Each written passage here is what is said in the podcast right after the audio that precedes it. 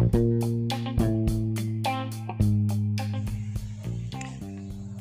naskah tidak dituntaskan, apakah ada efeknya?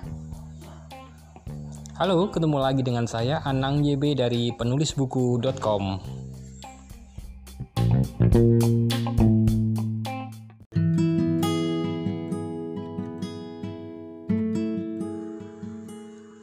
Apa kabar teman-teman? Mengenai hal menuntaskan naskah, saya ada sebuah perumpamaan seperti ini. Ada seorang kawan tiba-tiba dia berniat ingin membagikan nasi bungkus seminggu sekali. Setiap Jumat siang dia akan bagikan untuk tukang ojek kemudian pemulung dan siapa pun yang lewat depan rumahnya. Dia memang suka uh, memasak. Kemudian dia kumpulkan beberapa teman dan mereka pun sepakat untuk memulainya minggu depan Sehari sebelum hari Jumat, tiba-tiba kawan saya ini sibuk. Dia bilang dia harus meeting dari pukul 10 pagi sampai pukul 3 siang. Maka dia pun menunda rencana berbagi nasi bungkus. Ditunda lagi untuk minggu berikutnya lagi. Ternyata pada Jumat berikutnya, dia keluar kota maka rencana itu dia tunda. Begitu terus terjadi berkali-kali minggu demi minggu sampai kemudian tahu-tahu sudah satu tahun berlalu. Apakah ada efeknya? Tampaknya tidak ada efeknya. Teman saya tetap bisa melakukan aktivitas seperti biasa, bahkan mungkin dia mulai lupa dengan niatnya untuk berbagi nasi bungkus. Apakah kemudian tukang ojek menjadi tidak bisa makan karena tidak mendapat nasi bungkus yang direncanakan kawan tadi? Enggak juga. Para tukang ojek tetap bisa membeli makan seperti biasa. Para pemulung pun tetap bisa makan seperti biasa. Yang berbeda adalah, andai kata rencana itu jadi dia laksanakan, tentu ada sekian banyak pemulung, sekian banyak tukang ojek akan bersuka cita setiap hari Jumat selama satu tahun yang sudah berlalu itu.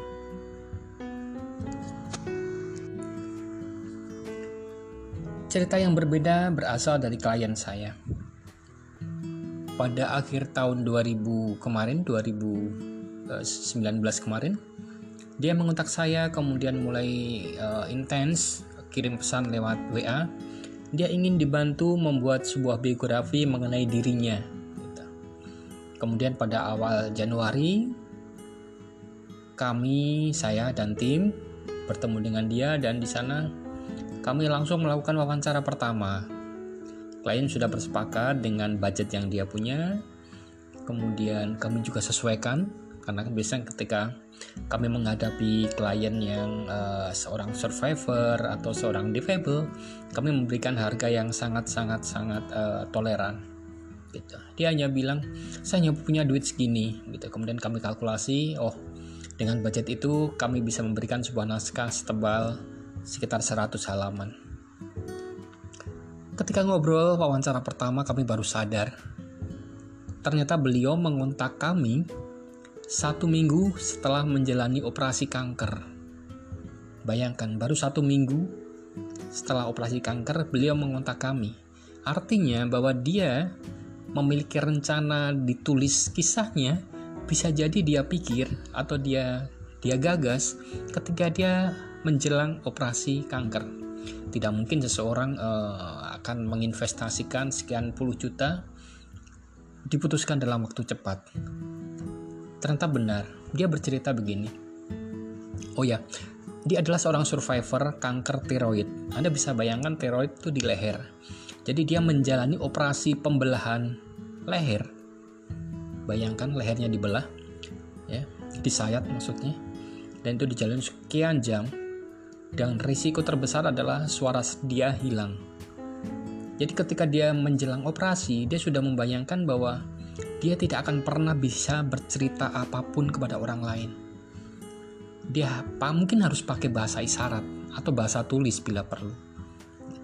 Maka ketika dia berpikir bahwa dia harus meninggalkan sesuatu itu pun kalau dia selamat ya waktu itu dia akan meninggalkan sesuatu dalam bentuk buku maka dia kemudian mencari seorang penulis biografi hari-hari ini kami terus mengebut untuk menyelesaikan naskah naskah dia karena ternyata teroidnya tidak hanya mengenai uh, sekitar lehernya tapi sudah masuk ke paru-paru artinya bukan hanya beliau yang berkejaran dengan waktu, kami pun berkejaran dengan waktu pula untuk menyelesaikan naskah ini. Hal terburuk adalah naskah selesai atau mungkin tidak selesai dan beliau lebih dulu menghadap Tuhan.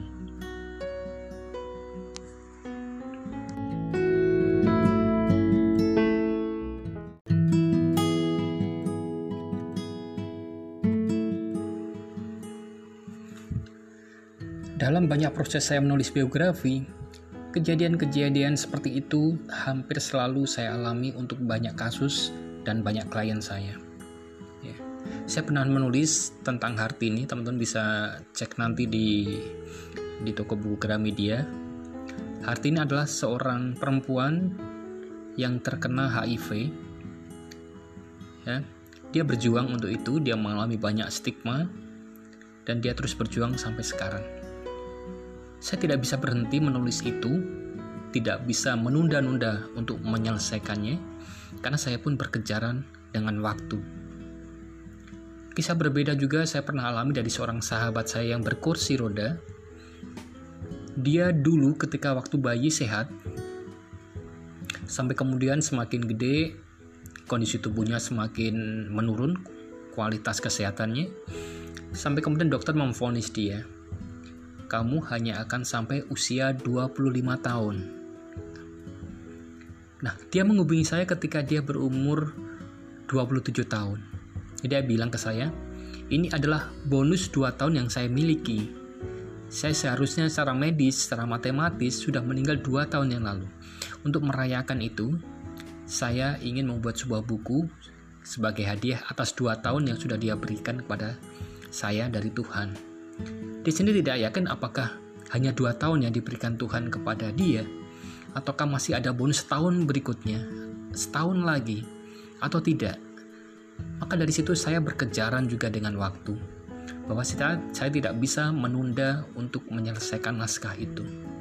Ada sesuatu yang harus saya pertaruhkan di depan ketika saya misalnya bermalas-malasan untuk menyelesaikan naskah itu. Tetapi Hal semacam tidak hanya terjadi di dalam buku-buku biografi. Teman-teman yang secara khusus datang kepada saya minta di mentorin secara privat satu bulan menyelesaikan naskah, mereka juga rata-rata berpacu dengan waktu. Bila tidak, mereka tidak akan menginvestasikan uangnya untuk saya pandu selama satu bulan menyelesaikan naskah. Ada sesuatu yang ingin mereka capai melebihi dari rupiah yang mereka korbankan sebagai fee saya sebagai mentor mereka. Entah itu buku yang mereka tulis untuk uh, mama mereka atau buku yang mereka tulis untuk diri mereka sendiri karena dia adalah seorang survivor juga gitu. Jadi dari sini kita bisa melihat bahwa penuntaskan naskah itu adalah sebuah keharusan. Saya pernah menulis juga sebuah buku yang sama sekali temanya bukan biografi, temanya adalah tentang entrepreneur. Bukunya sangat sederhana, berwarna kuning sampulnya dan itu menjadi buku-buku ketika saya awal menjadi penulis. Judulnya Kerja di Rumah Emang Napa. Ya. Saya bisa saja tidak menyelesaikan naskah itu, tapi saya memiliki dorongan untuk segera menuntaskannya, kemudian memasukkan ke Gramedia Pustaka Utama, dan Alhamdulillah puji Tuhan naskah itu bisa terbit di sana. Teman-teman tahu apa yang kemudian terjadi? Dari sekian ribu buku itu yang dicetak, ada salah satu pembaca yang yang mengirimkan sebuah testimoni kepada saya secara pribadi. Dia bilang begini, Terima kasih Mas Anang, dari buku ini saya bisa bangkit lagi setelah sekian lama saya menganggur, suami saya menganggur, kemudian saya tidak tahu harus mendapatkan uang dari mana. Setelah saya membaca bukunya Mas Anang, saya kemudian termotivasi untuk membuat sebuah bisnis yang yang sebetulnya tidak pernah terpikir oleh saya gitu. Kemudian si ibu ini bercerita meng mengisahkan bisnis yang yang dia jalankan. Saya pun kaget, saya tidak mengira bahkan di dalam buku saya pun saya tidak menuliskan bisnis yang yang yang dia jalani gitu. Bisnis ibu ini sangat unik, yaitu dia uh, membuka rental box bayi, ya, box bayi. Teman-teman tahu, seseorang ibu sebuah keluarga kalau punya box bayi kan paling banter cuma dipakai 2-3 bulan ya setelah itu ketika anak sudah mulai uh, susah untuk di, di, ditidurkan di situ anaknya atau anaknya sudah mulai rambatan box bayi itu hanya ada di sudut rumah sering kali bikin sesak rumah atau bahkan kadang hanya dipakai untuk menaruh uh, cucian-cucian yang sudah kering gitu. Tapi si ibu ini punya punya ide luar biasa. Box bayi itu dia rentalkan kepada tetangganya yang yang punya bayi juga. Artinya dia bisa menyingkirkan barang itu sekaligus dia mendapat uang dan tetangganya pun tidak harus membeli sebuah box bayi yang berharga jutaan rupiah. Gitu. Ide itu terus dia kembangkan, dia cari tetangga lain yang punya box bayi nganggur, kemudian dia data, kemudian dia sewakan juga sehingga lama-lama dia punya banyak box bayi yang dia sewakan ke banyak tempat. Bukan hanya box bayi tapi juga troli dorongan bayi.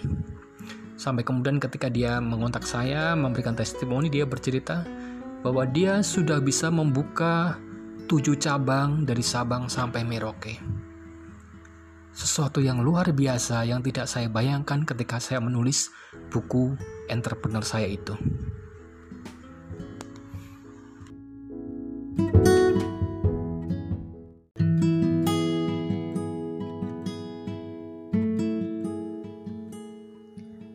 Sama seperti kisah di awal tadi tentang seorang ibu yang pengen berbagi nasi bungkus. Kemudian dia dia tunda sampai kemudian dia lupa dengan niatnya. Apakah dunia akan terbalik ketika dia tidak tidak mewujudkan niatnya itu? Enggak. Dunia tetap berputar seperti biasa gitu. Tetapi bayangkan ketika sebuah niat baik itu memang memiliki misi yang konkret di bagian lain dari podcast ini saya bercerita bahwa sebuah rencana menulis kalau tidak ada misi adalah sebuah omong kosong. Demikian pula dengan niat kita untuk membuat sebuah buku sampai tuntas dan sampai terbit kemudian. Ada sesuatu yang luar biasa yang akan terjadi ketika naskah Anda bisa terbit, bisa sampai ke pembaca. Anda mungkin tidak akan pernah membayangkan sebuah efek yang entah apa itu, dari taruhlah 2000 buku Anda yang yang dicetak oleh penerbit satu saja satu saja pembaca mendapatkan efek positif dari buku Anda itu sudah sesuatu yang luar biasa. Tetapi bayangkan kalau Anda tidak menuntaskannya Anda mengabaikannya Anda tidak mempublikasikannya maka ada banyak jiwa-jiwa yang kemungkinan besar tidak akan mendapatkan sentuhan dari apa yang ada di dalam kepala Anda setiap orang punya misi. Demikian pula saya sebagai penulis, saya punya sebuah tagline yang saya pakai sejak pertama kali menjadi penulis sampai dengan sekarang 12 tahun menjadi penulis. Tagline saya adalah misi saya. Saya selalu mengulang-ulang apa yang saya saya jadikan misi ini, yaitu sempurnakan dunia awali dengan menulis. Misi ini akan terus saya terapkan, harus saya wujudkan dengan tidak pernah berhenti menciptakan karya tulis. Nah, teman-teman, bagaimana dengan naskah teman-teman yang saat ini masih tersimpan rapi di hard disk? Mungkin baru sebatas outline, mungkin sudah ada satu bab, mungkin sebetulnya sudah selesai semua bab ditulis menjadi sebuah draft.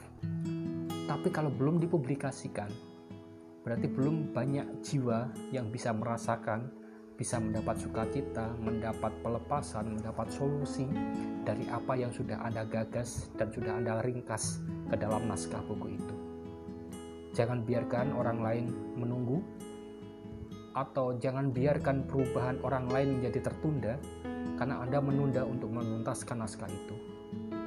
Setelah mendengarkan rekaman ini, yakinlah bahwa Anda pasti akan menuntaskan naskah Anda sesegera mungkin agar semakin banyak orang tertolong berkat naskah yang Anda tulis dan publikasikan. Saya yakin. Sampai jumpa.